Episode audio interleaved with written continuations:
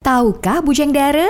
Jangan anggap remeh arti dari warna setiap benda Bujang Dara, karena ternyata memang ada benda-benda khusus yang sampai ke pemilihan warnanya, dan bukan sekedar estetika atau untuk cantik indahnya aja. Tahukah Bujang Dara, dalam pengaplikasian warna pada lampu lalu lintas, warna yang dipilih adalah warna yang punya panjang gelombang tertentu yang bisa dilihat oleh kita, manusia. Jadi, dari kejauhan warna lampu lalu lintas yang berubah bisa dengan mudah untuk kita lihat. Warna lampu lalu lintas itu pasti ada tiga warna, merah, kuning, dan hijau. Merah berarti berhenti, hijau berarti jalan, dan kuning berarti hati-hati. Tentu Bujang Dara ingat ini. Merah adalah warna dengan panjang gelombang terpanjang, yang berarti bisa dilihat dari jarak yang lebih jauh oleh pengemudi kendaraan. Kuning punya panjang gelombang yang lebih pendek dari merah, tapi lebih panjang dari hijau. Panjang gelombang inilah yang membuat lampu lalu lintas jadi lebih jelas ketika berubah